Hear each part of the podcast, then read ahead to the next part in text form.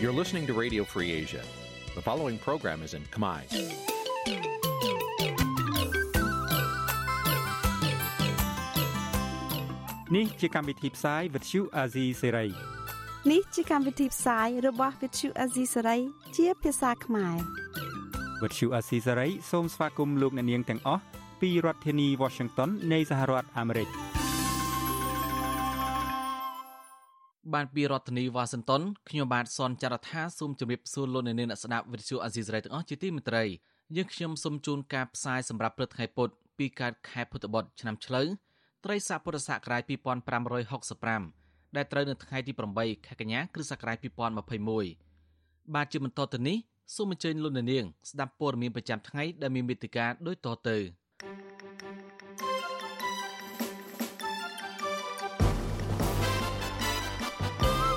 សហជីពឯករាជ្យបានដាក់របាយការណ៍សម្រាប់ចរចាប្រាក់ឈ្នួលឆ្នាំ2022សកម្មជនបរិស្ថានជាកូនភ្លោះ2នាក់រងការគំរាមកំហែងចាប់ខ្លួនសហគមន៍ខ្មែរកម្ពុជាក្រោមបន្តទាមទារឲ្យស្មារតីបង្ហាញទីតាំងនិងដោះលែងអន្តិតប៉ាងសុដាអ្នកជំនាញគ្មានរពឹងថារដ្ឋាភិបាលកម្ពុជានឹងងាកជិះពីចិនដើម្បីទទួលបានចំនួនបន្ថែមពីអាមេរិកនោះទេ រួមនឹងព័ត៌មានផ្សេងៗមួយចំនួនទៀត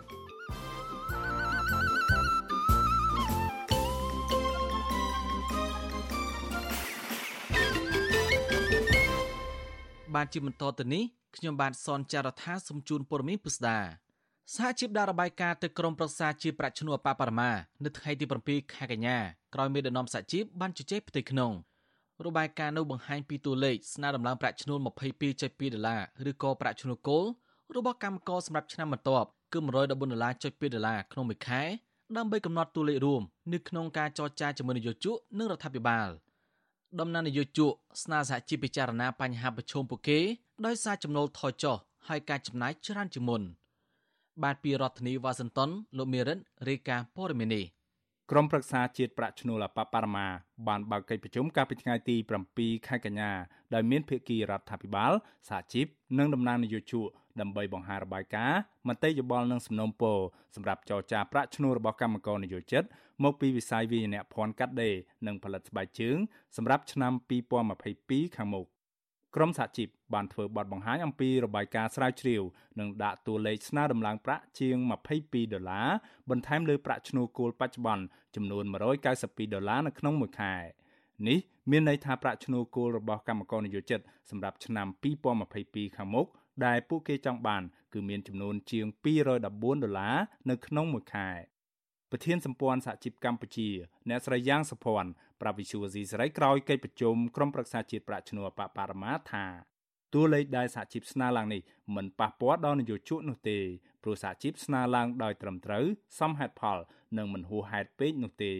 អ្នកស្រីបញ្យល់ថាតួលេខនេះបានមកពីការសិក្សាស្រាវជ្រាវតាមបែបបច្ចេកទេសដែលមានតលហិកពីរបាយការណ៍រដ្ឋាភិបាលធនាគារពិភពលោកអង្គការអន្តរជាតិខាងការងារឬ ILO ស្របតាមកត្តាទីផ្សារសេដ្ឋកិច្ចការប្រកួតប្រជែងនិងការនាំចេញជាដើម អ្នកស្រីសង្កេតឃើញថាស្ថានភាពបច្ចុប្បន្ននេះកម្មករនិយោជិតប្រឈមនឹងបញ្ហាសេដ្ឋកិច្ចដោយសារប្រាក់ឈ្នួលគោលកន្លងទៅ នៅមិនទាន់ធានាដល់ការរស់នៅសមរម្យនៅឡើយទេ มันគួរណាជួយតែវិស័យឯកជនហើយយើងបំភ្លេចកម្មករយើងទុកកម្មករដែលឡាយសិនខ្ញុំគិតថាចំណុចហ្នឹងខ្ញុំទទួលយកបានទេខ្ញុំឲ្យពួកគាត់វិភាគសិនថាប្រាក់ឈ្នួលដែលកម្មករទទួលបានឧទាហរណ៍ថាមួយខែ192នៅពេលដែលកម្មករគាត់ធ្វើការងារដែលគាត់អត់ថែមម៉ោងសោះគាត់ធ្វើការងារ8ម៉ោងក្នុងមួយថ្ងៃគឺគាត់អាចរស់បានទេពីព្រោះគាត់ត្រូវចិញ្ចឹមមនុស្សក្នុងបន្ទុកគ្រួសាររបស់គាត់ទៀតអញ្ចឹងបើសិនណាគាត់ថារស់បានហ្នឹងឲ្យគាត់ចាយឲ្យកម្មករមើលថាតើកម្មករហ្នឹងទៀមទាហ្នឹងវាខុសហ៎វាអត់ត្រឹមត្រូវហ៎គាត់អាចរស់បានអត់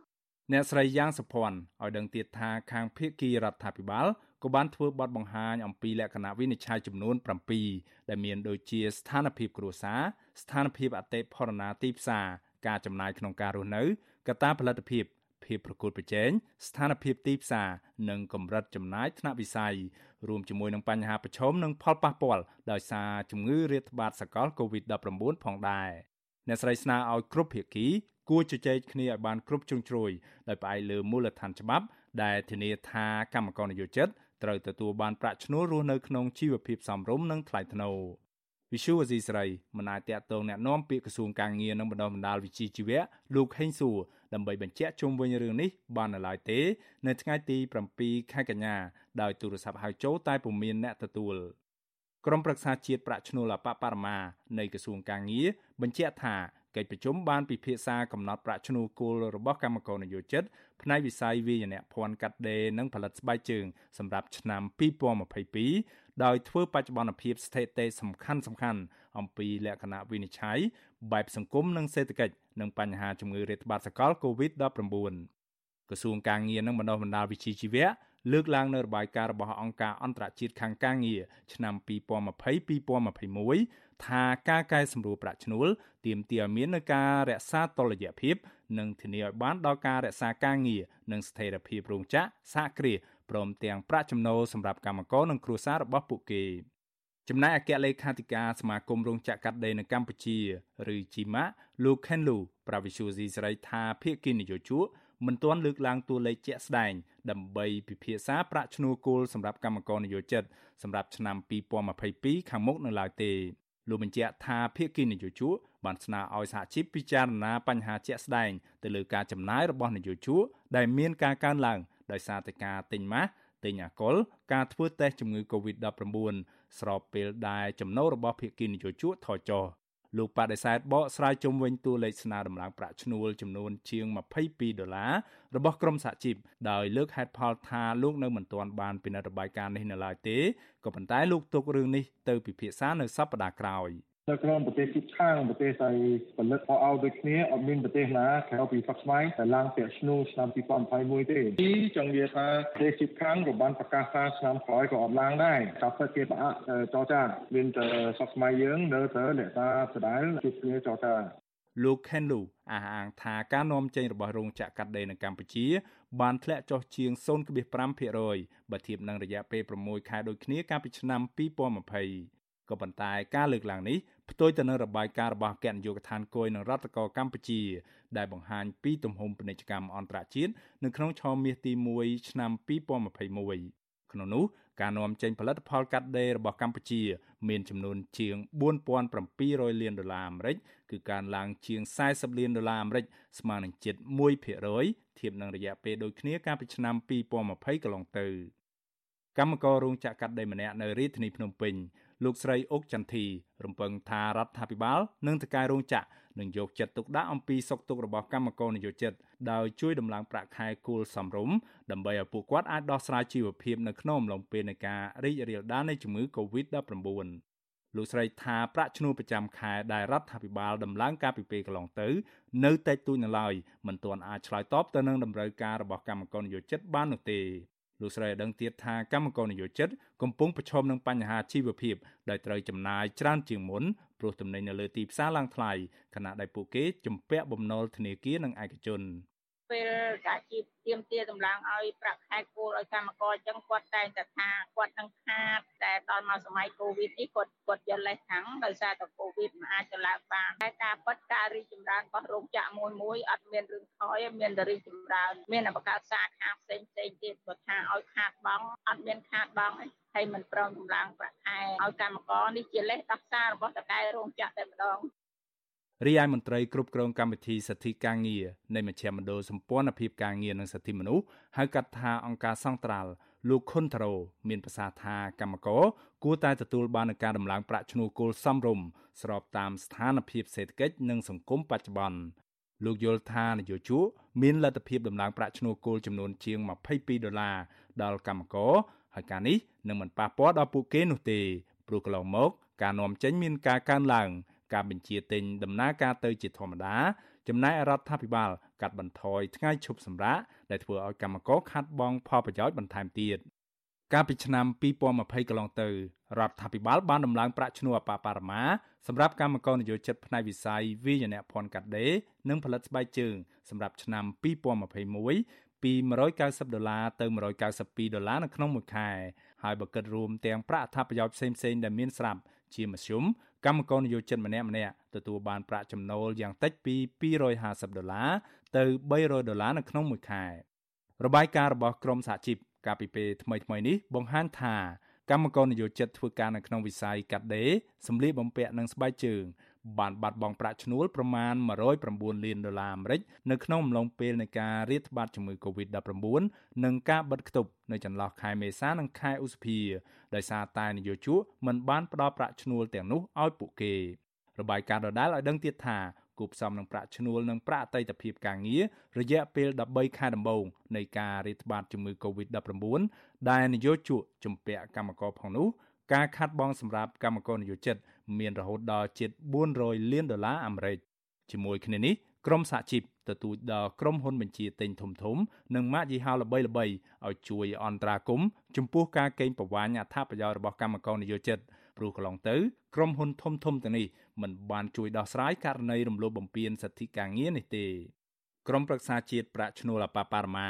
បានកំណត់យកថ្ងៃទី14ថ្ងៃទី21និងថ្ងៃទី28ខែកញ្ញាខាងមុខនេះដើម្បីប្រជុំ ចរចាកំណត់ប្រាក់ឈ្នួលគោលសម្រាប់កម្មករនិយោជិតនៅក្នុងឆ្នាំ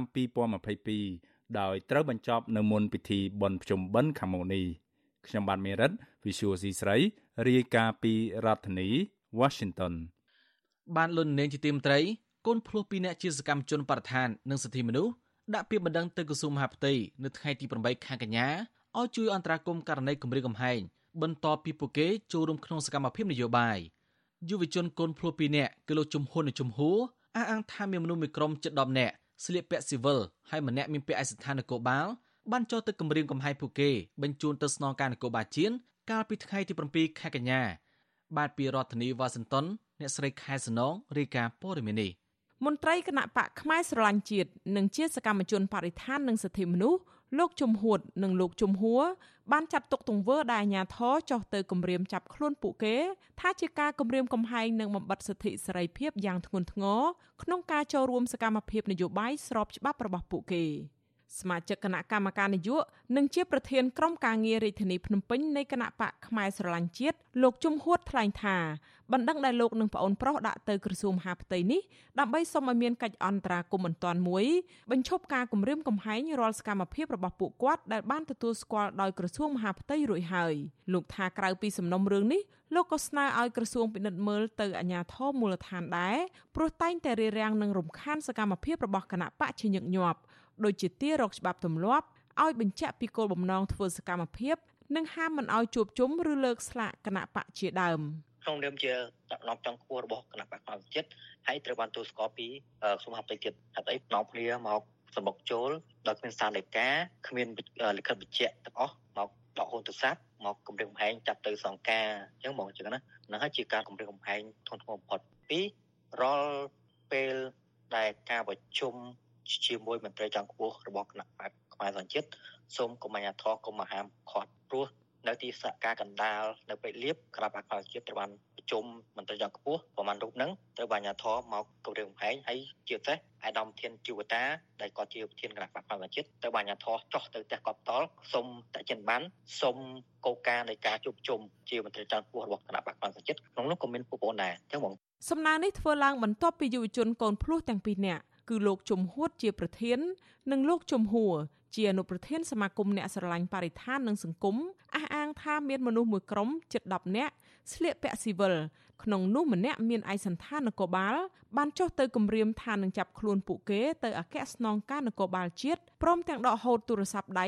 ដល់បន្ទប់ជួលដែលពួកគេកំពុងរស់នៅស្ថិតនៅក្នុងភូមិវត្តសន្សំកុសល សង្កាត់បឹងទំពុនខណ្ឌមានជ័យកាលពីថ្ងៃទី7ខែកញ្ញា ពាក់ព័ន្ធរឿងនេះវិទ្យុអេស៊ីសរ៉ៃមិនអាចតាក់ទងប្រធានគណៈបកផ្នែកស្រឡាញ់ជាតិលោកជីវកតាដើម្បីបញ្ជាក់បន្ថែមបានទេនៅថ្ងៃទី7ខែកញ្ញាគណៈបកនេះបានចុះបញ្ជីនៅក្រសួងមហាផ្ទៃកាលពីថ្ងៃទី10ខែមេសាឆ្នាំ2020មានសមាជិកជិត70000នាក់ដែលមានលោកជីវកតា ជាអតីតតំណាងរាស្ត្រនៃគណៈបកសង្គ្រោះជាតិមណ្ឌលកំពង់ចាមជាប្រធាន លោកជំហួតបន្តថាការគម្រាមកំហែងនេះលោកគិតថាមានតែជាប់ពាក់ព័ន្ធនឹងសកម្មភាពដែលគាត់ចូលរួមជាមួយគណៈបកផ្នែកស្រឡាញ់ជាតិប៉ុណ្ណោះលោកថាកាលពីប្រមាណថ្ងៃមុននេះក៏មានជនស៊ីវិលចុះទៅថតរូបដល់ផ្ទះជួលរបស់ពួកគាត់ដែរលោកជំហួតបន្ថែមថាកាលពីដើមឆ្នាំ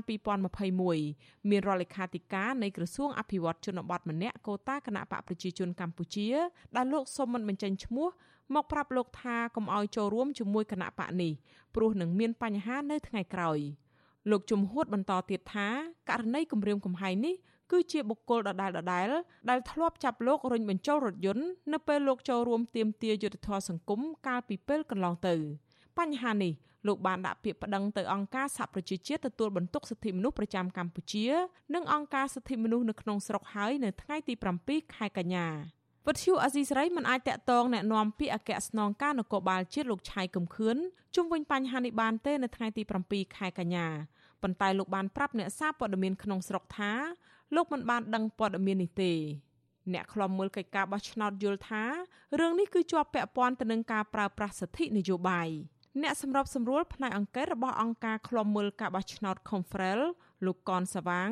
ថ្លែងថាបើមានទង្វើបែបនេះមន្ត្រីរាជការនិងអាជ្ញាធរនោះបានធ្វើខុសពីកាតព្វកិច្ចទួលនីតិនិងភាពអព្យាក្រឹតរបស់ខ្លួនយើងអាចធ្វើតាមនីតិវិធីណាអាចផ្ដល់ព័ត៌មានទៅជ័យផ្ទាល់ជាមួយនឹងក្រសួងមហាផ្ទៃនេះផ្ដល់ជាលិខិតផ្ដល់ជាការប្តឹងផ្ដល់ណាមួយក៏បានដែរទៅក្រសួងមហាផ្ទៃដើម្បីឲ្យលោកពិនិត្យមើលរឿងនឹងឡើងវិញថាតើស្ថិតនយោបាយ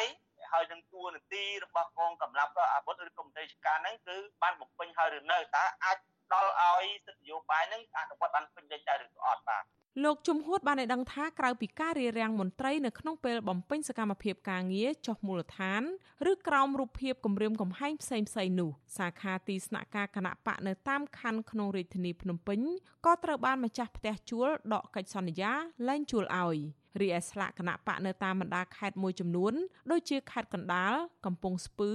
តាកែវព្រៃវែងបន្ទាយមានជ័យនិងខេត្តសៀមរាប ក៏ត្រូវបានជន់មិនស្គាល់មុខកាប់បំផ្លាញចោលអស់ហើយខាងគណៈបកបានដាក់ពាក្យប្តឹងទៅក្រសួងមហាផ្ទៃនៅរយៈពេល2ខែចុងក្រោយនេះប៉ុន្តែនៅពុំទាន់ឃើញមានចំណាត់ការនៅឡើយចា៎នេះខ្ញុំខែសុណងវັດឈូអាស៊ីសេរីរាយការណ៍ពីរដ្ឋធានី Washington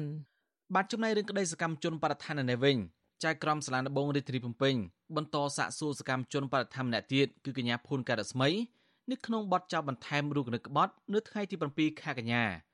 សាច់ញាតិនិងសង្គមស៊ីវិលរក្សាជំហរទៀមទាអតឡាការទម្លាក់បទចោទទាំងអស់លើសកម្មជនបរិស្ថាន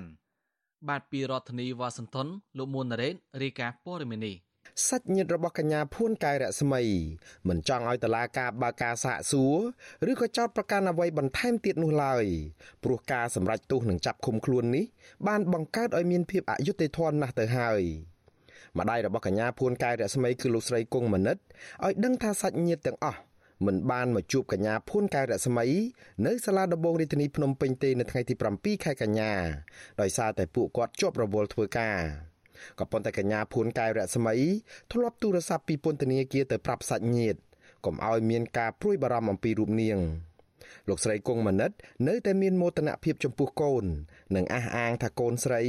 មិនបានប្រព្រឹត្តកំហុសអ្វីនោះឡើយ លោកស្រីទៀមទីឲ្យតឡាការបញ្ឈប់ការធ្វើទុកបុកម្នេញលើកូនស្រីរបស់លោកស្រីបន្តទៅទៀតនិងត្រូវដោះលែងកញ្ញាឲ្យមានសេរីភាពឡើងវិញគឺខំថាខែ3ហ្នឹងអាចជួបមកកូនកូននឹងអាចចាញ់ឥឡូវទៀតថែមទៅមកកម្រិតទៀតយើងមានតែសំដុំពោថាជួយរយុទ្ធធម៌ឲ្យកូនចង់ថាទៅដល់8ខែហ្នឹងត្រឹមនឹងបានយើងមិនចង់ឲ្យគេបន្តទៅមុខទៀតចឹងមានពីខ្មោចអីផងកូនធ្វើការងារសង្គមហ្នឹងកូនយើងមិនទៅល្មើសច្បាប់អី ចៅក្រមស៊ើបសួរនៃសាលាដំបូងរាជធានីភ្នំពេញលោកអឹមវណ្ណៈនៅថ្ងៃទី7ខែកញ្ញាបានបន្តនីតិវិធីស៊ើបសួរកញ្ញាភួនកែវរស្មីបន្ទាប់ពីបានសួរនាំលោកថនរដ្ឋារួច កាលពីថ្ងៃទី6ខែកញ្ញាតាមគម្រោងនៅថ្ងៃទី8ខែកញ្ញាលោកនឹងបន្តសាកសួរសកម្មជនបរិស្ថានដែលកំពុងជាប់ឃុំម្នាក់ទៀតគឺកញ្ញាឡុងគុន្ធាក្នុងបទចោទថ្មីដូចគ្នា គឺបទរួមគំនិតក្បត់ពាក់ព័ន្ធនឹងសកម្មភាពការពារបរិស្ថាននិងធនធានធម្មជាតិកន្លងមក។ ជំវិញនីតិវិធីសាកសួរលើបទចោទបន្ថែមនេះវិទ្យុអាស៊ីសេរីមិនអាចសុំការបញ្ជាក់ពីចៅក្រមស៊ើបសួរលោកអមណានិងមេធាវី2អ្នករបស់កញ្ញាភួនកែវរស្មីបាននៅឡើយទេនៅថ្ងៃទី7ខែកញ្ញាបើទោះបីជាយ៉ាងនេះក្តីនាយករងអង្គការលីកាដូទទួលបន្ទុកផ្នែកសិទ្ធិមនុស្សលោកអំសំអាត ឲ្យដឹងថាការសាកសួរនេះក៏មិនខុសពីករណីលោកថនរដ្ឋាប្រមាណដែរគឺនៅក្នុងបទចោទថ្មីដូចគ្នាលោកអំសំអាតនៅតែជំរុញឲ្យតឡាការទម្លាក់ចោលបទចោទទៅលើសកម្មជនបរិស្ថាននិងធនធានធម្មជាតិទាំងអស់នេះលោកសង្កេតឃើញថាការចោទប្រកាន់កន្លងមកតឡាការហាក់មិនមានភ័ស្តុតាងឬក៏មូលដ្ឋានជាក់លាក់ណាមួយអាចចោទប្រកាន់លើសកម្មជនបរិស្ថានបានទេព្រោះសកម្មភាពរបស់សកម្មជនបរិស្ថាននិងធនធានធម្មជាតិទាំងអស់នេះ គឺធ្វើត្រឹមត្រូវតាមច្បាប់និងដើម្បីផលប្រយោជន៍រួមរបស់សង្គមអ្នកខ្លាំមើលសិទ្ធិមនុស្សរូបនេះក៏បារម្ភថាបទចោទប្រកាន់បន្ថែមគឺបទរួមគំនិតក្បត់នេះអាចជាចេតនាដាក់បន្ទុកបន្ថែមលើសកម្មជនទាំងអស់នេះ នគរបាលបានចាប់ឃុំខ្លួនកញ្ញាភួនកែវរស្មីនិងសកម្មជនបរិស្ថាននិងធនធានធម្មជាតិពីរនាក់ទៀតគឺលោកថនរដ្ឋានិងកញ្ញាឡុងគុន្ធា ជាង1ឆ្នាំមកហើយដោយចោទថាពួកគាត់ញុះញង់ពាក់ព័ន្ធនឹងការបញ្ចេញមតិទាមទារកុំឲ្យលុបបឹងតមោកឬបឹងទំនប់កប់ស្រូវដែលជាបឹងធំជាងគេនៅក្នុងក្រុងភ្នំពេញ កាលពីខែឧសភាចៅក្រមសាលាដំបូងរាជធានីភ្នំពេញលោកលេខសុខាបានផ្ដន្ទាទោសកម្មជនបរិស្ថាននិងធនធានធម្មជាតិ3នាក់ឲ្យជាប់ពន្ធនាគារពី18ខែដល់20ខែ និងពិន័យជាប្រាក់2លានរៀលទៅ4លានរៀលនៅក្នុងបទញុះញង់ឲ្យប្រព្រឹត្តបទអក្រិតជាអាតនៅក្នុងបទចោទញុះញង់នេះចៅក្រមក៏បានកាត់ទោសកម្មជនចំនួន2នាក់ទៀតគឺស្ថាបនិកចលនាមេដាធម្មជាតិលោក Alejandro Gonzalez Davidson ដែលជាជនជាតិអេស្ប៉ាញនិងយុវជននៃក្រុមខ្មែរថាវរៈ កញ្ញាជាគុនធីនដោយកំបាំងមុខនឹងកាត់ឲ្យពួកគាត់ជាប់ពន្ធនាគារពី18ខែ ទៅ20ខែនិងពិន័យជាប្រាក់ម្នាក់4លានរៀលក្រោយមកនៅខែកក្កដាតំណាងអាយកាបានបន្ថែមបទចោទថ្មីមួយទៀតលើសកម្មជនទាំង3នាក់គឺបទរួមគំនិតក្បត់នេះបទចោទថ្មីនេះមានពាក់ព័ន្ធនឹងសំណុំរឿងរបស់សកម្មជនបរិស្ថាននិងធនធានធម្មជាតិ3នាក់ទៀតដែលអាជ្ញាធរបានចាប់ខ្លួនកាលពីខែមិថុនាគឺលោកយឹមលៀងហ៊ីកញ្ញាសុនរដ្ឋានិងយុវជនលីច័ន្ទដារាវុធ តឡាការក៏បានចោទប្រកាន់លោកអាលិចនៅក្នុងសំណុំរឿងបទចោទរួមគំនិតក្បត់នេះដែរក៏ប៉ុន្តែក្រុមអ្នកការពារសិទ្ធិមនុស្សជាតិនិងអន្តរជាតិបានរិះគន់ចំណាត់ការរបស់តុលាការថាជាការបង្ក្រាបយ៉ាងធ្ងន់ធ្ងរទៅលើសិទ្ធិសេរីភាពរបស់អ្នកការពារធនធានធម្មជាតិនៅកម្ពុជាក្រុមអង្គការសង្គមស៊ីវិលនៅកម្ពុជាក៏នាំគ្នាធ្វើយុទ្ធនាការនៅក្នុងសប្តាហ៍ទី5ដោយប្រៀបធៀបថាសកម្មជនបដិថាននិងធនធានធម្មជាតិនៅទូទាំងពិភពលោកទទួលបានពានរង្វាន់នឹងការគ្រប់គ្រងនិងលើកទឹកចិត្តពីអាជ្ញាធររដ្ឋ ផ្ទុយទៅវិញនៅកម្ពុជា សកម្មជនការពារបរិស្ថាននិងធនធានធម្មជាតិបែរជារងការគំរាមកំហែងបំផិតបំភ័យនិងចាប់ដាក់ពន្ធនាគារទៅវិញក្រុមអង្គការសង្គមស៊ីវិលបារម្ភថាការបង្ក្រាបនេះគឺជាការបំបាក់ស្មារតីប្រជាពលរដ្ឋដែលចង់បន្តសកម្មភាពឈឺឆ្អាលបញ្ហាបរិស្ថាននិងធនធានធម្មជាតិឬក៏ការហ៊ានចេញមុខការពារផលប្រយោជន៍សង្គមជាតិតទៅទៀតខ្ញុំបាទមុងណារ៉េត With you Asisari ប្រធានាធិបតី Washington បានលោកនាងជាទីមត្រី សហគមន៍ខ្មែរកម្ពុជាក្រោមបន្តទាមទារឲ្យសមាជិកបង្ហាញទីតាំងនិងដោះលែងអន្តិតប៉ាងសក្តាក្រោយពេលដែលសមាជិកខេត្តកំពង់ចាមបានចាប់ខ្លួននិងផ្សឹកតាំងពីថ្ងៃទី2ខែកញ្ញាសំណើនេះធ្វើឡើងដោយសារតែអន្តិតប៉ាងសក្តាបានចេញខ្លួនមកអះអាងតាមប្រព័ន្ធឃោសនាលហ៊ុនសែនថាលោកបានប្រព្រឹត្តខុសហើយសុកចិត្តសឹកបើទោះបីជាណាសហគមន៍ខ្មែរកម្ពុជាក្រោមចាត់ទុកថាការសារភាពនេះគឺជាការរៀបចំនិងធ្វើឡើងដោយបង្ខំ។ បានពីរដ្ឋធានីវ៉ាស៊ីនតោនលោកយុនសាមៀនរាយការណ៍ព័ត៌មាននេះអង្គការសមាគមខ្មែរកម្ពុជាក្រោមនៅក្នុងនិងក្រៅប្រទេសសម្ដែងមន្ទិលសង្ស័យចំពោះការចេញមុខសារភាព ពីកំហុសនិងសុកចិត្តសឹករបស់អតីតព្រះចៅអធិការវត្តវង្គតបរិយសេរីភ្នំពេញលោកប៉ាងសូដាក្រោយបានបាត់ខ្លួននឹងដំណឹងអស់រយៈពេល5ថ្ងៃកន្លងមកនេះនាយកប្រតិបត្តិសហគមន៍ខ្មែរកម្ពុជាក្រោមលោកថៃសិដ្ឋាមានប្រសាសន៍ប្រាប់វិទ្យុអាស៊ីសេរីថា ការសារភាពរបស់លោកប៉ាងសូដាតាមបណ្ដាញប្រព័ន្ធឃោសនារបស់លោកហ៊ុនសែនបានបង្កើតនៅចម្ងល់ជាច្រើនជុំវិញការខាត់ខ្លួនរបស់លោកប៉ាងសូដាដោយសារតែកន្លងមក សមត្ថកិច្ចធ្លាប់អះអាងថាលោកប៉ាងសូដាបានល្មើសបំរាមវិធានការទប់ស្កាត់ជំងឺ Covid-19 ប៉ុន្តែលោកប៉ាងសូដាបានសារភាពថាលោកមានកំហុសរឿងមានទំនាក់ទំនងនឹងមនុស្សស្រីម្នាក់ទៅវិញ ក៏យើងមិនដឹងថាតើវាមានអាកំបាំងអីនៅក្រោយខ្នង ការចាប់បង្ខំឬក៏អីមួយអានេះយើងមិនទាន់បានទទួលព័ត៌មានច្បាស់លាស់តែប៉ុន្តែយើងក៏ដឹងដែរថាបើនិយាយពីល្មើសទៅដល់វិន័យអាណាដែលគិតថាមកសារភាពអីហោហែហ្នឹងហើយចាប់អង្គដោយសាររឿងហ្នឹងគឺគេចាប់ភ្លាមគេធ្វើភ្លាមហើយ គេមិនដែលទុកដល់ថ្ងៃនេះមកចេញសារភាពតាមវីដេអូអីហ្នឹងទេនឹងយើងនិយាយពីទស្សនវិជ្ជាចាស់ស្ដែងហើយនៅក្នុងធម៌វិន័យអាហ្នឹងវាឲ្យមិនអញ្ចឹងយើងខ្ញុំនៅដូចខ្ញុំជម្រាបអញ្ចឹងថានៅតែមានការងឿងឆ្ងល់មានអ្វីនៅពេលក្រោយខ្នងជាការប្រកឹកបង្ខំអីបន្ថែមទៀតដើម្បីឲ្យលោកសារភាពឆ្លើយអាហ្នឹងយើងតាមដានទៀត លោកថៃសិដ្ឋាបានស្នើឲ្យអាជ្ញាធរត្រូវដោះលែងលោកប៉ាងសូដាឲ្យមានសេរីភាពឡើងវិញដើម្បីអង្គការសមាគមខ្មែរកម្ពុជាក្រោមអាចស្វែងរកការពិតនៅពីក្រោយការចាប់ខ្លួននេះដោយសារតែមកទល់ពេលនេះអង្គការសមាគមខ្មែរក្រោមនៅមិនទាន់ដឹងទីតាំងរបស់លោកប៉ាងសូដានៅឡើយខ្ញុំគិតថាប៉ុណ្ណេះវាមិនគ្រប់គ្រាន់ទេមិនទាន់គ្រប់គ្រាន់ទេសម្រាប់គ្រាន់តែការថ្លែងតាមដោះសារតាមវីដេអូយើងមិនទាន់យកជា ការបានមកឡើយបើយើងនិយាយគ្រាន់តែជាភាគីមួយខាងប៉ុណ្ណោះដូច្នេះយើងចង់ស្ដាប់ចង់ឮពីការបកស្រាយរបស់ខាងអាជ្ញាធរនិងគណៈមន្ត្រីសង្ឃត្រូវធ្វើជាសេចក្តីបញ្ជាក់ជាលិលាអសរព្រោះថាព្រះអង្គក្នុងឋានៈជាប្រចាំអធិការផងហើយជាជារាជាគណៈផងដូច្នេះវាមិនមែនជារឿងអាចធ្វើលេងសើចលំលំបានទេនឹងបើយើងនិយាយពីគោលការណ៍ខាងអាជ្ញាធរត្រូវបញ្ជាក់ ពីការនាំខ្លួននឹងឲ្យច្បាស់ក្នុងការទទួលខុសត្រូវហើយគណៈមន្ត្រីសង្ឃដូចគ្នាដែរលោកប៉ាងសូដាត្រូវបានមន្ត្រីសង្ឃខេត្តកំពង់ចាមពីរអង្គចាប់សឹកបន្ទាប់មកសមត្ថកិច្ចក្រសួងមហាផ្ទៃបានបញ្ជូនប្រកាយមកភ្នំពេញកាលពីថ្ងៃទី2ខែកញ្ញាដោយធ្វើឡើងយ៉ាងតក់ក្រហល់អាជ្ញាធរអះអាងថាការចាប់សឹកនោះ ជាការអនុវត្តតាមដីការបស់ព្រះអាជ្ញាសាលាដំបងរាជធានីភ្នំពេញដែលចេញដីកាចាប់ខ្លួនដើម្បីយកទៅសាកសួរជុំវិញបទចោទល្មើសវិធានការទប់ស្កាត់ការរីករាលដាលជំងឺ Covid-19 ទោះបីជាយ៉ាងណាកាលពីថ្ងៃទី7កញ្ញាម្សិលមិញប្រព័ន្ធឃោសនារបស់លោកនាយករដ្ឋមន្ត្រីហ៊ុនសែនឈ្មោះ Press News បានបង្ហាញវីដេអូសារភាពរបស់លោកប៉ាងសូដាជាលើកដំបូងក្រោយពេលចាប់ខ្លួន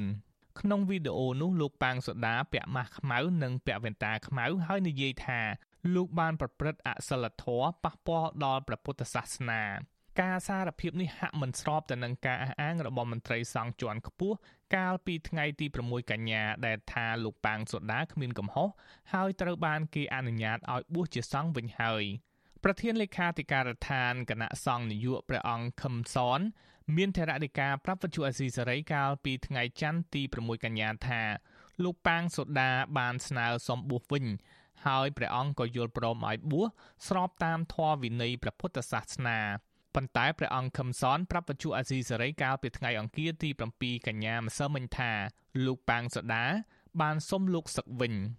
ចង់និយាយថា គាត់បួសក៏ដោយខ្លួនឯងគាត់ដោះស្បង់ជីពោក៏ដោយខ្លួនឯងគ្មានពីណាបំពោះថែមទៀតទេនឹងហើយព្រោះគាត់ថាគាត់អត់តន់នៅបាននៅលេខស្ថាប័នចឹងហើយដល់ពីថ្ងៃនេះខលមកអាត្មានេះអាត្មាសួរថាហេតុអ្វីមានបញ្ហាអីខ្លួនឯងថាទេមិនមិនចង់នៅត្រួតត្រងភេទជាអ្នកបួសព្រោះមានបញ្ហាខ្លួនឯងខ្លះខ្លះអីចឹងចាំប្រាប់ឲ្យមហាជនឲ្យដឹងចឹងដល់ខ្លួនឯងចឹងបើចឹងអាត្មាក៏មិនសួរដេញដល់ទៀតបងបង វិទ្យុអាស៊ីសេរីមិនទាន់អាចតាក់ទងណែនាំពាក្យសាលាដំបងរាជធានីភ្នំពេញលោកអ៊ីរិនដើម្បីសុំការបញ្ជាក់បន្ថែមជុំវិញរឿងនេះបាននៅឡើយទេពាក់ព័ន្ធទៅនឹងការសារភាពនេះនាយកអន្តរសាសនាសហព័ន្ធខ្មែរកម្ពុជាក្រោមនិងប្រធានសមាគមព្រះសង្ឃខ្មែរក្រោមអាមេរិកខាងជើងព្រះភិក្ខុ TT ធម្មូមានធរណីកាថាការសារភាពរបស់លោកប៉ាងសូដាជាការរៀបចំទុកជាមុននិងដោយបង្ខំ នៅឯប្រជាជាណាចក្រកម្ពុជាទូរស័ព្ទមកឲ្យគៀបសង្កត់អោយគាត់សារភាពហើយនឹងនិយាយបង្ខំគាត់ឲ្យនិយាយតែម្ដងអានឹងទី1ទី2គាត់សន្ធិដ្ឋនៅក្នុងបរិវេណនៃការឃុំគ្រងរបស់អាជ្ញាធរបានសេចក្តីស្ថិតនៅក្នុងកដាប់ដៃរបស់ប្រជាណាចក្រកម្ពុជាអាជ្ញាធរនឹងទៀតសោតគឺបង្ខំឲ្យគាត់និយាយអ្វីដែលគាត់មិនចង់និយាយគាត់និយាយព្រះអង្គបន្តថាប្រសិនបើអាជ្ញាធរមានភ័ស្តុតាងត្រូវបង្ហាញចេញជាសាធារណៈដើម្បីបំបត្តិមន្ទិលសង្ស័យ លោកប៉ាងសូដាប្រសូតកាលពីឆ្នាំ1968នៅស្រុកតាវិចខេត្តឃ្លៀងព្រះអង្គបានទទួលតួនាទីជាប្រជាអធិការវត្តបង្គត់បុរីសេរីភ្នំពេញនៅស្រុកចំការលើខេត្តកំពង់ចាម តាំងពីឆ្នាំ1995មកដល់សប្តាហ៍ថ្ងៃនេះក្រៅជាប្រជាអធិការវត្តព្រះអង្គជាទីប្រឹក្សានឹងធម្មទូតសម្ដេចព្រះសង្ឃរាជនុនង៉ែតទៀតផងអតីតប្រជាអធិការវត្តបង្គត់បុរីសេរីភ្នំពេញលោកប៉ាងសូដា តែងតែជួយសកម្មភាពសង្គមដូចជាឧបត្ថម្ភថវិកាស្បៀងអាហារនិងសម្ភារៈដល់ពលរដ្ឋក្រីក្រ និងជនរងគ្រោះដោយសារតែជំងឺ Covid-19 លើពីនេះព្រះអង្គយកប្រតិយទុកដាក់ទៅលើពលរដ្ឋខ្មែរកម្ពុជាក្រោមតាមរយៈការធ្វើការងារជាមួយនឹងអង្គការសមាគមខ្មែរក្រោមនិងកម្មវិធីមនុស្សធម៌នានាខ្ញុំយុនសាមៀនវិទ្យុអាស៊ីសេរីប្រធានាធិបតី Washington អាស៊ីសេរី បានលន់នាងជាទីមត្រីអ្នកជំនាញមរពឹងថារដ្ឋាភិបាលកម្ពុជានឹងការប្រែអរិយាប័ត្រជាមួយចិនហើយងាកមកស្ដារប្រជាធិបតេយ្យនិងសិទ្ធិមនុស្សឡើងវិញដើម្បីទទួលបានជំនួយបន្ថែមពីអាមេរិកទេតើអ្នកជំនាញមានសំអាងអ្វីខ្លះអំពីតំណែងរវាងកម្ពុជាចិននេះបាទលោកនាងនៅបានស្ដាប់សេចក្តីរាយការណ៍នេះនៅពេលបន្តិចទៀតនេះបាទសូមអគុណបាទងាកទៅបញ្ហាដីធ្លីពលរដ្ឋនៅតំបន់គម្រោងពលិយន្តហោះថ្មីវិញ អាជ្ញាធរប្រើកម្លាំងសមត្ថកិច្ចចម្រុះរាប់រយនាក់បិទផ្លូវជុំវិញការដ្ឋានសាងសង់ពលយន្តហោះថ្មីនៅក្នុងស្រុកកណ្ដាលស្ទឹងខេត្តកណ្ដាលដើម្បីរាំងខ្ទប់បរដ្ឋដែលមានចំនួនដីធ្លីមិនឲ្យចូលទៅមើលដីស្រែចម្ការពួកគាត់មន្ត្រីអង្គការសង្គមស៊ីវិលផ្នែកសិទ្ធិមនុស្សនិងដីធ្លីស្នើអាជ្ញាធរដោះស្រាយបញ្ចប់បញ្ហាដីធ្លីនេះដោយសន្តិវិធីប្រសើរជាងប្រើកងកម្លាំងទៅគម្រាមបរដ្ឋបំបាក់ស្មារតីបរដ្ឋបានពីរដ្ឋធានីវ៉ាស៊ីនតោនអ្នកស្រីខែសនងមានសេចក្តីរាយការណ៍មួយផ្សេងទៀតជូនលោកនាង វិវាទដីធ្លីភូមិកំពង់តឡុងឃុំបឹងខ្យាងឈានដល់ការប្រឈមមុខដាក់គ្នារវាងប្រជាពលរដ្ឋរាប់សិបនាក់និងកងកម្លាំងរាប់រយនាក់ដែលដាក់រនាំងដែកបិទចាប់ពីផ្លូវជាតិលេខ2រហូតដល់ផ្លូវជុំវិញទីតាំងអភិវឌ្ឍប្រលានយន្តហោះថ្មីរបស់ក្រុមហ៊ុន OCIC នៅព្រឹកថ្ងៃទី7ខែកញ្ញាពលរដ្ឋម្នាក់គឺលោកពៅសុភីបឲ្យដឹងថាកម្លាំងប៉ូលីស កងរាជអាវុធហត្ថនិងកម្លាំងស៊ីវិលរាប់រយនាក់ត្រូវបានអាជ្ញាធរខេត្តកណ្ដាលដាក់ពង្រាយតាមផ្លូវចាប់ពីម៉ោង4ទៀបភ្លឺថ្ងៃទី7ខែកញ្ញាដើម្បីរារាំងប្រជាពលរដ្ឋកុំឲ្យចូលទៅធ្វើស្រែបានតទៅទៀតលោកបន្តថាក្រមសមត្ថកិច្ចទាំងនោះក៏តាមបំបីក្រមប្រជាពលរដ្ឋដែលជួបជុំគ្នាតវ៉ារឿងនេះដែរលោកចាត់ទុកទង្វើរបស់អាជ្ញាធរនេះ ថាជាការរំលោភសិទ្ធិនិងបំបិទសេរីភាពពលរដ្ឋមិនឲ្យតវ៉ារកដំណោះស្រាយដីធ្លីដោយសន្តិវិធីគោលបំណងគេហ្នឹងគឺចេះថាមកការជាជាពលរដ្ឋតែតាមការពិតគឺគេឈូសឆាយដីប្រជាពលរដ្ឋធ្វើផ្លូវយន្តហោះនឹងដាក់មកគៀបសង្កត់ប្រជាជនមកជាជនឥឡូវកំពុងតែទឹកភ្នែកហូរយំមុននឹងមិញបន្តិចនឹងគេសោចសបាយមើលទៅដូចប្រទេសមានច្បាប់លទ្ធិប្រជាធិបតេយ្យកាន់រដ្ឋធម្មនុញ្ញតែធ្វើបាបជាជនបិទសិទ្ធិការរស់រានមានជីវិតពួកខ្ញុំនឹងកាន់តែលំបាកទៅលំបាកទៅឥឡូវដីស្រែនឹងឈូអស់ហើយបងវិទ្យុអេស៊ីស្រីមិនអាចតាក់ទងសុំការបកស្រាយរឿងការដាក់កម្លាំងសមត្ថកិច្ចនេះពីអភិបាលខេត្តកណ្ដាលលោកគង់សុភ័ណ្ឌបានទេ ដោយហៅទូរស័ព្ទចូលតែពុំមានអ្នកទទួល កាលពីពេលថ្មីថ្មីនេះសាលាខេត្តកណ្ដាលចេញលិខិតជូនដំណឹងមួយអំពីការកាយផ្ដាច់ផ្លូវអមប្រឡាយលេខ90គឺដើម្បីរំដោះទឹកភ្លៀងចេញពីការដ្ឋានឲ្យបានឆាប់ព្រោះធ្វើឲ្យប៉ះពាល់ដល់គម្រោងសាងសង់ផ្លូវយន្តហោះទី1ជាគម្រោងអាទិភាពអញ្ញាធិបប្រមានថាបើមានជនរារាំងដល់ការអនុវត្តនេះរដ្ឋបាលខេត្តនឹងចាត់វិធានការតាមផ្លូវច្បាប់ តកតងទៅនឹងរឿងនេះអ្នកសម្របសម្រួលគម្រោងធុរកិច្ចនិងសិទ្ធិមនុស្សនៃមជ្ឈមណ្ឌលសិទ្ធិមនុស្សកម្ពុជាលោកវ៉ាន់សុផាត មានប្រសាសន៍ថាការដាក់កម្លាំងសមត្ថកិច្ចនៅតំបន់ប្រលានយន្តហោះថ្មីនេះគឺរូបភាពបំបាក់ស្មារតីដល់ប្រជាពលរដ្ឋដើម្បីកុំឲ្យពួកគាត់ចេញតវ៉ារឿងដីធ្លី។លោកយល់ថាអាញាធរនិងភៀកគីក្រុមហ៊ុនគួរតែដោះស្រាយបញ្ចប់បញ្ហាដីធ្លីមួយនេះដោយសន្តិវិធីជៀសវាងការប្រឈមមុខដាក់គ្នារវាងប្រជាពលរដ្ឋនិងកម្លាំងសមត្ថកិច្ច ដែលអាចទៅជាអំពើហិង្សាប្រមុខរដ្ឋាភិបាលហ្នឹងគួរតែពិនិត្យថាឡើងវិញជៀសវាងកុំឲ្យមានការប្រឈមមុខដាក់គ្នាប្រកាសជាអំពើហិង្សាហើយប្រជាពលរដ្ឋខ្ញុំយល់ថាប្រជាពលរដ្ឋគឺថាគាត់ច្បាស់ជាប្រូផ្ដាច់ដើម្បីដីរបស់គាត់ហើយពួកដីពួកគាត់ហ្នឹងអត់មានច្រើនប្រមាណទេជួនកាលខ្លះមាន 9A 10A ខ្លះ ណាមួយហិកតាអីចឹងណាបាទអញ្ចឹងគួរតែអនុញ្ញាតឲ្យគាត់បកកមុខរបររបស់គាត់នឹងចិញ្ចឹមជីវិតបន្តទៅទៀតទៅបើមានការប៉ះទង្គិចគ្នាប្រជាពលរដ្ឋនឹងនឹងរងសម្ពាធមួយទៀតគឺការចោទប្រកាន់តាមតុលាការហើយនឹងអាចប្រឈមនឹងជាប់ពន្ធនាគារហើយអានេះជាការបំបាក់អរិញសិទ្ធិសេរីភាពក្នុងការជួបជុំនឹងការបញ្ចេញទេរបស់ប្រជាពលរដ្ឋក្នុងការការពារទ្រព្យសម្បត្តិរបស់ខ្លួនឯងណាបាទ ចំនួនដីធ្លីរវាងក្រុមហ៊ុន OCIC របស់អង្គការពងខៀវសែជាមួយនឹងប្រជាពលរដ្ឋសរុបជាង300គ្រួសារនៅស្រុកកណ្ដាលស្ទឹងខេត្តកណ្ដាលបានអូសបន្លាយជាង3ឆ្នាំមកហើយដោយប្រជាពលរដ្ឋមិនព្រមទទួលយកសំណងដែលអាជ្ញាធរផ្ដល់ឲ្យចន្លោះពី3ដុល្លារទៅ8ដុល្លារក្នុង1ម៉ែត្រការ៉េ។ ក្រុមហ៊ុនសាជីវកម្មវិនិយោគក្រៅប្រទេសកម្ពុជាហៅកាត់ថា OCIC របស់អង្គការពងខៀវសែដែលជាអ្នកជំនួញស្និទ្ធនឹងលោកនាយករដ្ឋមន្ត្រីហ៊ុនសែនទទួលបានសិទ្ធិសាងសង់ប្រលានយន្តហោះខ្នាតអន្តរជាតិមួយនៅទីនោះតាមគម្រោងក្រុមហ៊ុននឹងសាងសង់រួចរាល់នៅឆ្នាំ2023ប្រលានយន្តហោះថ្មីនេះវិនិយោគក្នុងទឹកប្រាក់ប្រមាណជាង1000លានដុល្លារលើផ្ទៃដីជិត3000ហិកតាប្រជាពលរដ្ឋរងផលប៉ះពាល់ពីគម្រោងនេះ ស្នើសុំលោកនាយករដ្ឋមន្ត្រីហ៊ុនសែនដោះស្រាយបញ្ចប់ចំនួនដីធ្លីនេះជូនពួកគាត់ឲ្យបានឆាប់ពលរដ្ឋបញ្ជាក់ថាពួកគាត់នឹងបន្តការតវ៉ារហូតដល់មានដំណោះស្រាយសមរម្យដែលអាចទទួលយកបានចា៎នាងខ្ញុំខែសុណងវັດឈូអាស៊ីសេរីរាយការណ៍ពីរដ្ឋធានី Washington បានលុននាងជាទីមត្រីកម្មករជាង4ប៉ុណ្ណេះនៅខេត្តរតនគិរីប្តឹងក្រុមហ៊ុនហងអាញ៉ាណូមៀរបស់វៀតណាមទៅអាញាធរខេត្តរតនគិរី ឲ្យជួយអន្តរាគមន៍ពាក់ព័ន្ធរឿងមកបាប្រាក់ឈ្នួលឲ្យប្រព័ន្ធជាង2ខែមកហើយតំណាងកម្មករអះអាងថាពួកគាត់បានប្តឹងសុំអន្តរាគមន៍ទៅអាជ្ញាធរខេត្តរតនគិរីនិងមន្ទីរការងារខេត្តនេះដែរក៏ប៉ុន្តែគ្មានដំណោះស្រាយនៅឡើយទេបាទពីរដ្ឋធានីវ៉ាស៊ីនតោនលោកទីនសាការីយ៉ារីកាព័រមីនី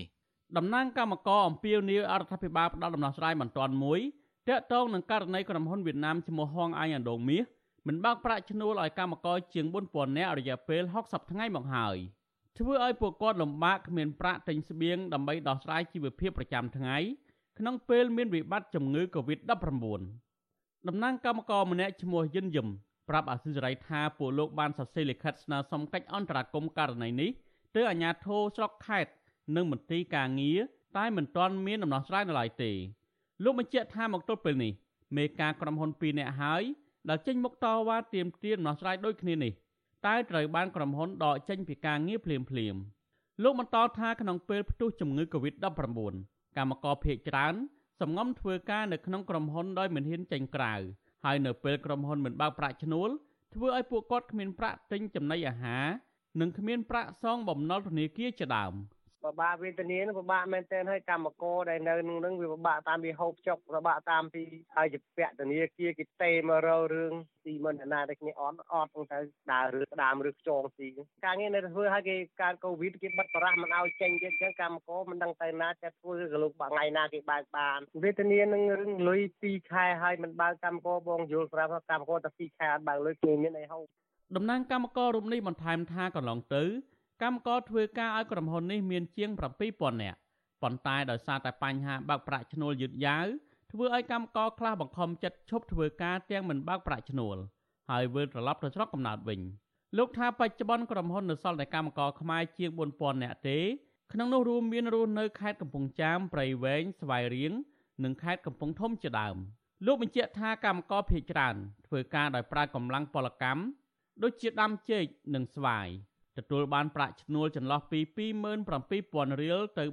32,000រៀលក្នុងមួយថ្ងៃកាលពីសប្តាហ៍មុនតំណាងកម្មករ12នាក់បានផ្តិតមេដាយប្តឹងក្រុមហ៊ុនវៀតណាមហុងអញអណ្ដូងមាសទៅអាជ្ញាធរខេត្តរតនគិរីខ្លឹមសារពាក្យបណ្ដឹងនោះ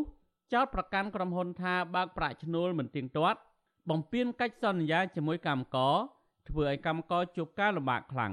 ឆ្លើយតបនឹងបញ្ហានេះអ្នកបកប្រែនឹងជាតំណាងក្រុមហ៊ុនវៀតណាមលោកថាច់ស៊ីថា បដិសេធការចោទប្រកាន់នេះដោយលើកហេតុផលថាក្រុមហ៊ុនបានបើកប្រាក់ឈ្នួលឲ្យកម្មករមួយចំនួនរួចហើយនិងបើកជាបន្តបន្ទាប់ទៀតនៅពេលឆាប់ៗនេះលោកថាក្រុមហ៊ុនបើកប្រាក់ឈ្នួលឲ្យកម្មករ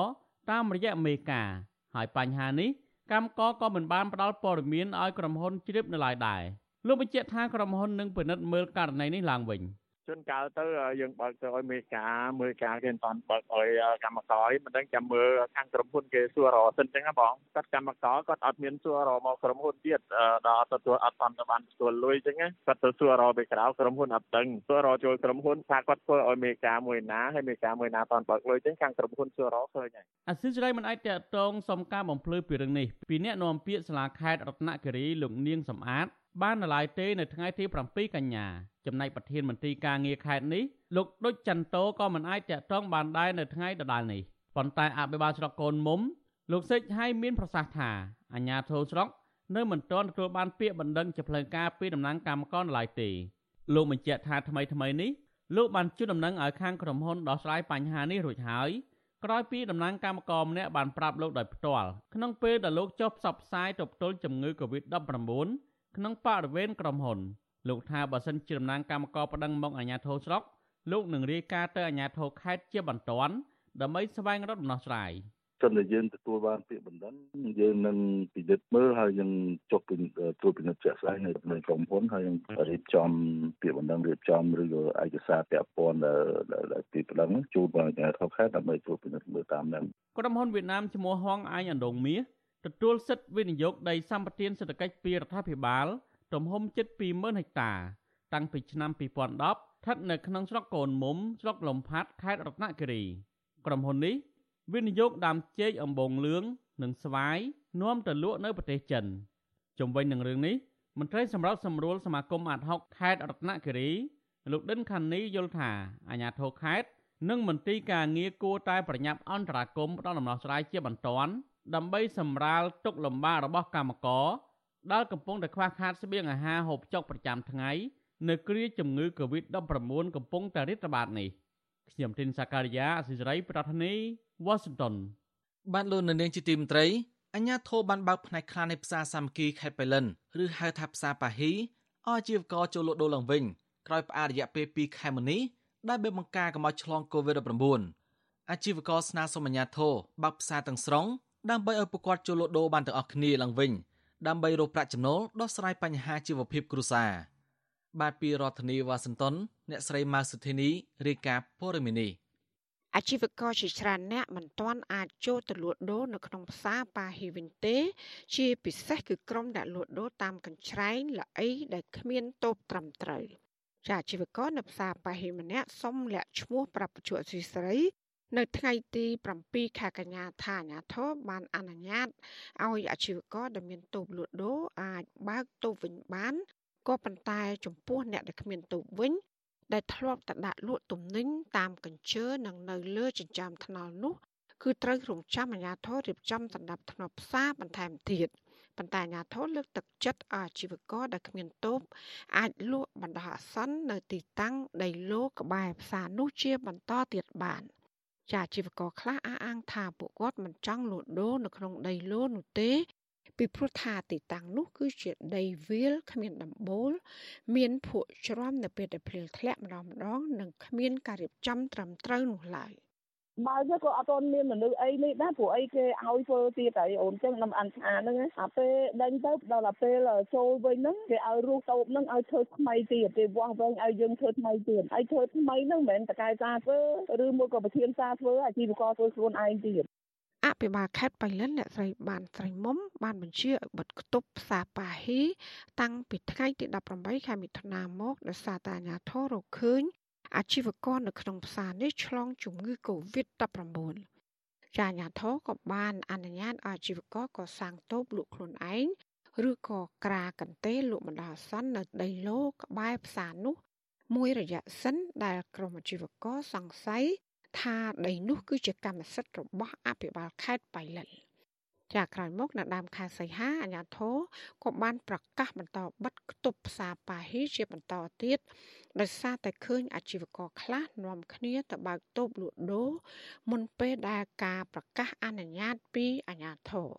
ក៏ប៉ុន្តែក្រុមអាជីវករខ្លះអះអាងថាពួកគាត់គ្រាន់តែទៅលាងសម្អាតនិងរៀបចំតូប ដើម្បីត្រៀមចូលលក់ដូរត្រឹមត្រូវវិញព្រោះថាការលក់ដូរនៅទីតាំងដីឡូក្បែរផ្សារនោះ គឺមានការលំបាកពេកដោយថ្ងៃខ្លះមានភ្លៀងអាជីវករត្រូវឈរលក់ដូរនៅកណ្ដាលភ្លៀងក៏មានដែរបន្ថែមពីនេះអាជីវករខ្លះសង្ស័យថាអាញាធរមានចេតនាប្រើលេសជំងឺ Covid-19 ដើម្បីយកទីតាំងផ្សារប៉ាហ៊ីលក់ទៅឲ្យក្រុមហ៊ុនឯកជន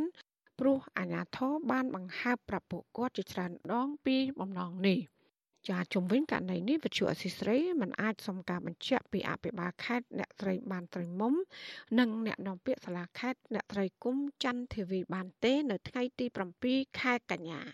ទោះជាយ៉ាងណាមន្ត្រីបកប្រឆាំងនៅខេត្តបៃលិនបានបញ្ជាក់ថាអ្នកស្រីបានត្រីមុំពិតជាធ្លាប់មានបំណងចង់យកទីតាំងដីនៅផ្សារប៉ាហ៊ីទៅវិនិយោគមែន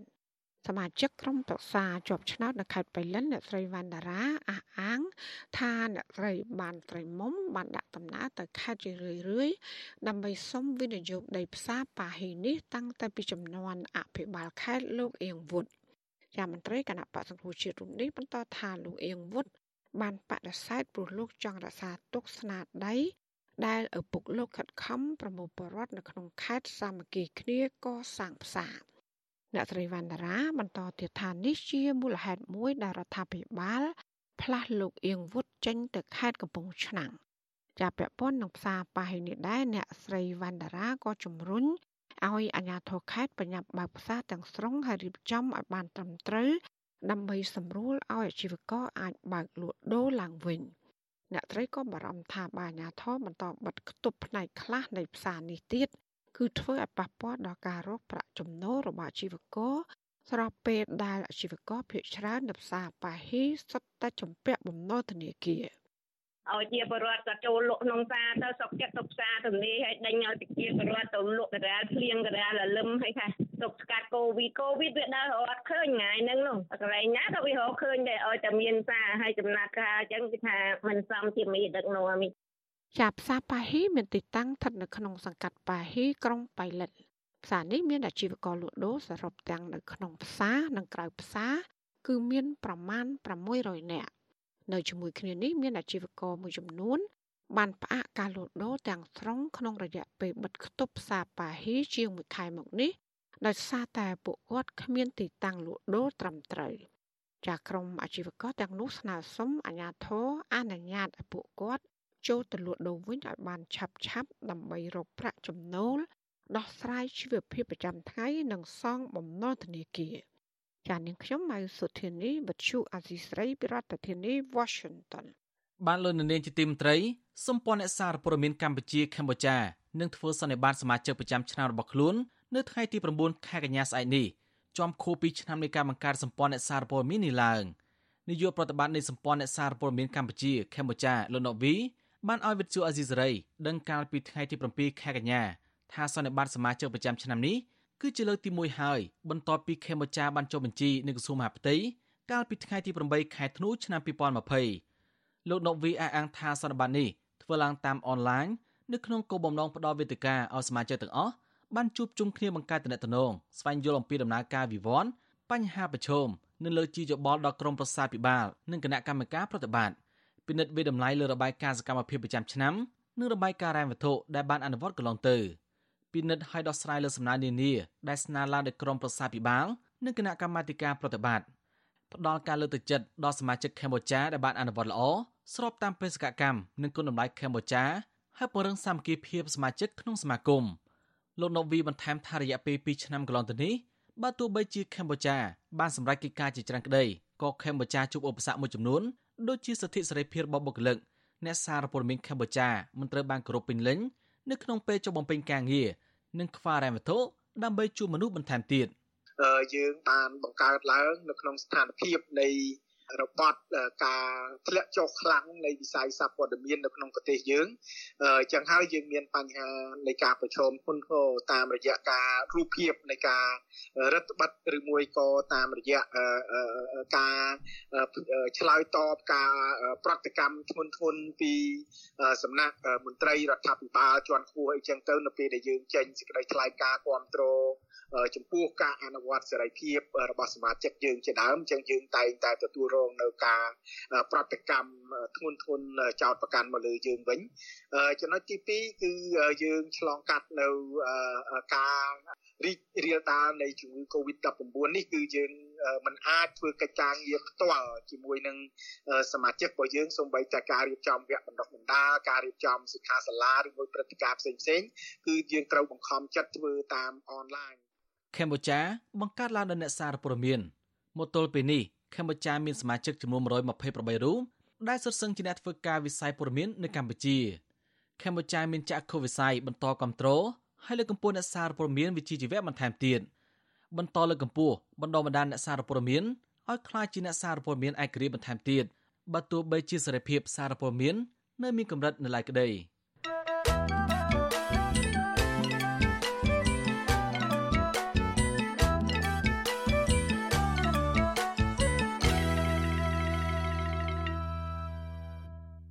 បានលោកនៅនាងជាទីមន្ត្រី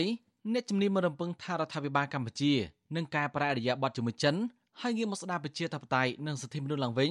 ដើម្បីទទួលបានជំនួយបន្ថែមពីអាមេរិកទេការលើកឡើងនេះកើតមានឡើងស្របពេលដែលប្រសិទ្ធភាពអាមេរិកកំពុងត្រៀមពិនិត្យមើលសេចក្តីស្នើច្បាប់ថវិកាជាតិរបស់ក្រសួងការបរទេសអាមេរិកប្រតិបត្តិការនៅបរទេសនិងកម្មវិធីផ្តល់ជំនួយពាក់ព័ន្ធនានាសម្រាប់ឆ្នាំ2022ខាងមុខនេះបានពីរដ្ឋធានីវ៉ាស៊ីនតោនលោកមេរិតរាយការណ៍ព័ត៌មាននេះ សេចក្តីស្នើច្បាប់ថវិកាសម្រាប់ក្រសួងការបរទេសអាមេរិកប្រតិបត្តិការនៅបរទេសនិងកម្មវិធីផ្ដល់ជំនួយពាក់ព័ន្ធនានាសម្រាប់ឆ្នាំ2022ខាងមុខនេះកំណត់នៅលក្ខខណ្ឌមួយចំនួនមុននឹងផ្ដល់ឬពង្រីកការផ្ដល់ជំនួយនានាទៅឲ្យប្រទេសពាក់ព័ន្ធដែលក្នុងនោះក៏រួមមានទាំងកម្ពុជាផងសេចក្តីស្នើច្បាប់ថវិកាសម្រាប់ក្រសួងការបរទេសអាមេរិកឬ HR 4373ទទួលបានការអនុម័តពីរដ្ឋសភាអាមេរិកកាលពីចុងខែកក្កដា ហើយបច្ចុប្បន្នកំពុងស្ថិតនៅក្នុងដៃព្រឹទ្ធសភាអាមេរិកត្រៀមពិនិត្យមើលបន្តមុននឹងអនុម័តសម្រាប់កម្ពុជាសេចក្តីស្នើច្បាប់នេះដាក់លក្ខខណ្ឌ4ចំណុចមុននឹងអនុញ្ញាតឲ្យរដ្ឋាភិបាលអាមេរិកតាមរយៈក្រសួងការបរទេសអាមេរិកអាចផ្ដល់ឬពង្រីកនៅជំនួយបន្ថែមដល់ប្រទេសនេះលក្ខខណ្ឌទាំង4ចំណុចនោះរួមមានដូចជាការបញ្ឈប់ការប្រើអំពើហិង្សានិងការយាយីប្រឆាំងទៅនឹងសង្គមស៊ីវិលនិងគណៈបពប្រឆាំង ការទម្លាក់ចោលនៅបទចោតព្រហ្មទណ្ឌប្រឆាំងទៅនឹងក្រុមអ្នករិះគន់រដ្ឋាភិបាលនិងការគោរពសិទ្ធិសេរីភាពនិងការទទួលខុសត្រូវដោយមានចែងនៅក្នុងរដ្ឋធម្មនុញ្ញឆ្នាំ1993ក្រៅពីនេះកម្ពុជាក៏ត្រូវធានាចូលរួមពង្រឹងសន្តិសុខប្រចាំតំបន់និងស្ថិរភាពជាពិសេសពាក់ព័ន្ធទៅនឹងបញ្ហាចំនួននៅតំបន់សមុទ្រចិនខាងត្បូង និងការពង្រឹងការអនុវត្តទណ្ឌកម្មប្រឆាំងនឹងប្រទេសកូរ៉េខាងជើងព្រមទាំងការបញ្ជាក់អំពីអធិបតេយ្យប្រឆាំងទៅនឹងការជ្រៀតជ្រែកណាមួយពីសំណាក់ប្រទេសចិនដោយរួមទាំងការរក្សាព្យាក្រឹតនៅតំបន់មូលដ្ឋានកងទ័ពជើងទឹករៀមតំបន់យោធាដទៃទៀតរួមទាំងគម្រោងអភិវឌ្ឍនៅតំបន់តារាសាគរនៅខេត្តកោះកុងផងដែរឆ្លើយតបទៅនឹងលក្ខខណ្ឌទាំងនេះអ្នកនាំពាក្យក្រសួងការបរទេសកម្ពុជា លោកកុយគួងប្រាវិសុយស៊ីស្រីកាលពីយប់ថ្ងៃទី7ខែកញ្ញាថា នេះគឺជាការយល់ឃើញរបស់អាមេរិកតែកម្ពុជាជាប្រទេសមានអធិបតេយ្យពេញលេញបាទលក្ខខណ្ឌទាំង4របស់អាមេរិកនឹងជាការយល់ឃើញរបស់សហរដ្ឋអាមេរិកទេណាចំពោះកម្ពុជាយើងយើងតែងអនុវត្តទៅតាមច្បាប់របស់ ប្រទេសកម្ពុជា ក្នុងលក្ខខណ្ឌក្នុងក្របខណ្ឌប្រទេសអធិបតេយ្យនិងមានឯករាជ្យពេញលេញបាទហើយតកតងរឿងបញ្ហាកិច្ចការងារសមុទ្រចឹងខាងខាងត្បូងក៏ចឹងដែរកន្លងមកកម្ពុជាយើងបានប្រកាន់ជំហរឲ្យភាគីពាក់ព័ន្ធដោះស្រាយដោយសន្តិវិធីនឹងហើយឲ្យមានការអត់ធ្មត់ដោយបញ្ជាយ៉ាងណាកុំឲ្យមានគេហៅថាអំពើហិង្សាណាមួយកើតឡើងគឺឲ្យភាគីទាំងអស់ដោះស្រាយដោយសន្តិវិធីនេះឯងបាទហើយ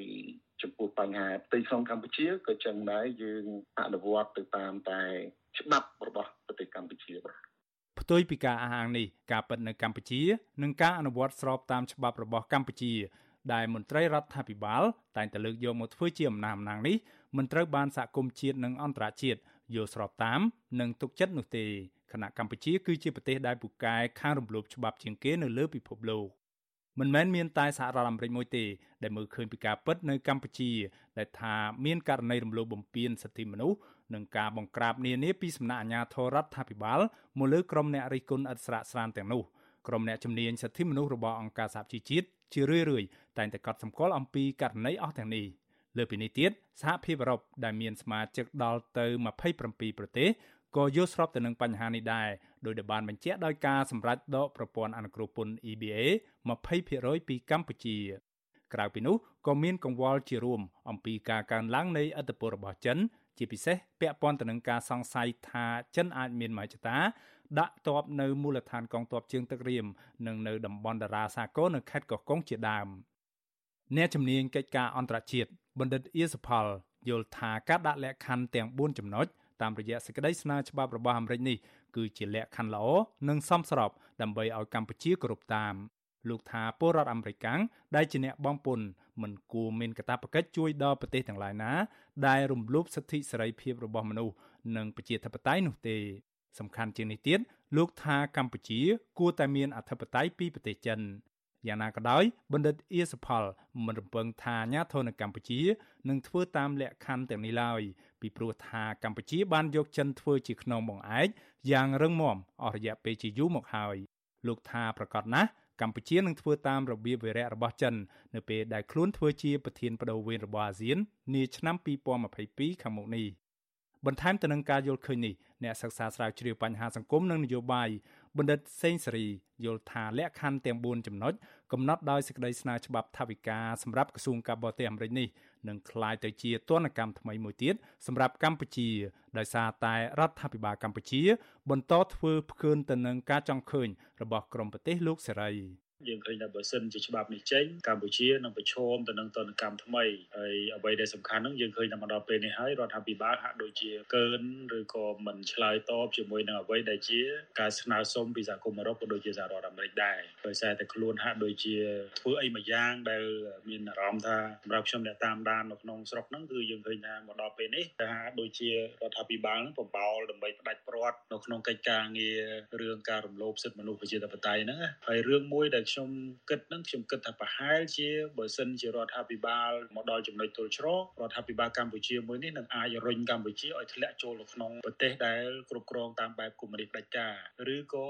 អាចយករបៀបនៅក្នុងការគ្រប់គ្រងតាមបែបយោធានិយមដែលទាញកម្ពុជាឲ្យចេញពីកន្លងប្រជាធិបតេយ្យដាច់តែម្ដងបាទបណ្ឌិតសេងសេរីពុំមានសោតិធិនិយមទេថា កម្ពុជាអាចនឹងខិតខំកែប្រែអរិយាប័ត្ររបស់ខ្លួនធ្វើឲ្យអាមេរិកជឿទុកចិត្តបានហើយអាចទទួលបាននឹងការពង្រីកជំនួយបន្ថែមពីសហរដ្ឋអាមេរិកនោះដោយសារតែកម្ពុជា កំពុងជាប់ផុងនឹងទម្លាប់និយាយផ្សេងតែធ្វើផ្សឹងដើម្បីបន្តក្រាញអំណាចបែបផ្ដាច់ការរបស់ខ្លួន យ៉ាងណាក៏ដោយសម្រាប់អ្នកជំនាញសេដ្ឋកិច្ចនយោបាយនិងជាអ្នកស្រាវជ្រាវនៅសាកលវិទ្យាល័យ University College London នៃចក្រភពអង់គ្លេសបណ្ឌិតយងសុភា មើលឃើញថាលក្ខខណ្ឌ2ពាក់ព័ន្ធទៅនឹងបញ្ហាតំបន់នៅសមុទ្រចិនខាងត្បូងនិងបញ្ហាពង្រឹងវិធានការដាក់ទណ្ឌកម្មប្រឆាំងទៅនឹងប្រទេសកូរ៉េខាងជើងគឺជាលក្ខខណ្ឌថ្មីដែលសហរដ្ឋអាមេរិកចង់ឃើញកម្ពុជាបំពេញតាម លោកថាសហរដ្ឋអាមេរិកដាក់លក្ខខណ្ឌទាំងនេះដើម្បីទប់ស្កាត់ឥទ្ធិពលរបស់ចិននៅតំបន់អាស៊ីអាគ្នេយ៍ជារួម។ ប៉ុន្តែខ្ញុំនៅតែមើលឃើញថាទោះបីយ៉ាងម៉េចក៏ដោយអាមេរិកនៅតែជួយជំនួយដល់ស្រុកខ្មែរដដែលពីព្រោះនៅក្នុងបង្រៀនច្បាប់នេះក៏និយាយដែរថាក្រៅពីលក្ខខណ្ឌទាំងអស់ហ្នឹងគេនៅតែឲ្យជំនួយទៅលើបញ្ហាមួយចំនួនដូចជាកម្មវិធីទាក់ទងទៅនឹងលទ្ធិប្រជាធិបតេយ្យសុខភាពសាធារណៈខាងអប់រំបរិស្ថានអញ្ចឹងហើយនឹងការស្រាវជ្រាវទាក់ទងនឹងខ្មែរក្រហមក៏ដូចជាខាងភាសាខ្មែរអញ្ចឹងណាហើយខ្ញុំចាប់អារម្មណ៍ខ្លាំងជាងគេគឺទាក់ទងរឿងធ្វើម៉េចលុយនឹងនឹងយកទៅប្រើដើម្បីជំរុញឲ្យមានការលើកកម្ពស់យល់ដឹងអំពីគេហៅថាតើឥទ្ធិពលរបស់ចិននឹងមានប៉ុណ្ណាទៅលើខ្មែរចាប់តាំងពីមានការរំលាយគណៈបកសង្គ្រោះជាតិកាលពីចុងឆ្នាំ2017និងព្រឹត្តិការណ៍បោះឆ្នោតឆ្នាំ2018ដែលរងការរិះគន់ជាទូទៅថាជាការបោះឆ្នោតคล้ายៗរួចមកសហរដ្ឋអាមេរិកបានប្រកាសបញ្ចប់ការផ្ដល់ជំនួយដល់គណៈកម្មាធិការជាតិរៀបចំការបោះឆ្នោតឬកោជប និងរដ្ឋបិទការផ្ដល់ទឹកធការមិនឲ្យចូលទឹកដីអាមេរិកដល់មន្ត្រីកម្ពុជាមួយចំនួន ដែលពាក់ព័ន្ធទៅនឹងការបំផ្លាញប្រជាធិបតេយ្យជាដើមទន្ទឹមនឹងនេះសហរដ្ឋអាមេរិកក៏បានសម្រេចផ្អាកឬបន្ថយជំនួយតាមរយៈក្រសួងរដ្ឋាភិបាលជាតិអាមេរិកទីភ្នាក់ងារជំនួយអាមេរិក USAID និងកម្មវិធីជំនួយយោធានានាដល់កម្ពុជាដោយសារតែដំណើរធ្លាក់ចុះនៃប្រជាធិបតេយ្យ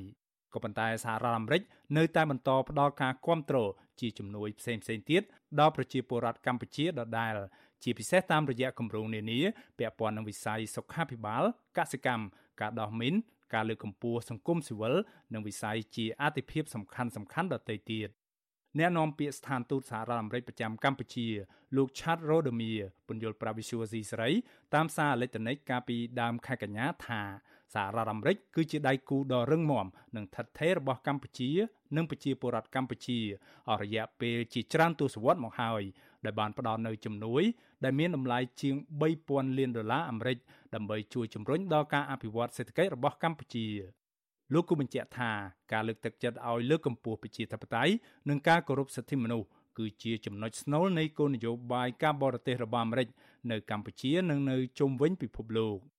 គេហទំព័រ Foreign Assistance របស់រដ្ឋាភិបាលសហរដ្ឋអាមេរិកដែលកត់ត្រាអំពីជំនួយរបស់អាមេរិកឲ្យដឹងថាជំនួយរបស់សហរដ្ឋអាមេរិកសម្រាប់កម្ពុជាបានធ្លាក់ចុះពីឆ្នាំ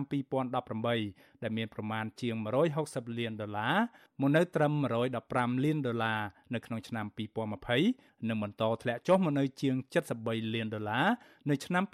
2021គិតត្រឹមខែកញ្ញានេះ ខណៈទិន្នន័យសម្រាប់ឆ្នាំ2020និងឆ្នាំ2021នៅមិនទាន់កត់ត្រាពេញលេញនៅឡើយខ្ញុំបាទមេរិត Visual C ស្រីរាយការណ៍ពីរដ្ឋធានី Washington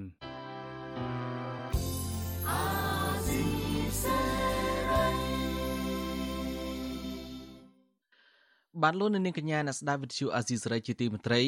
ការផ្សាយរយៈពេល1ម៉ោងនៃវិទ្យុអាស៊ីសេរីជាភាសាខ្មែរនៅពេលនេះចប់តែប៉ុណ្ណេះ យើងខ្ញុំសូមជូនពរដល់លោកអ្នកនាងព្រមទាំងក្រុមគ្រួសារទាំងអស់ឲ្យជួបប្រកបតែនឹងសេចក្តីសុខចម្រើនរុងរឿងកុំបីឃ្លៀងឃ្លាតឡើយ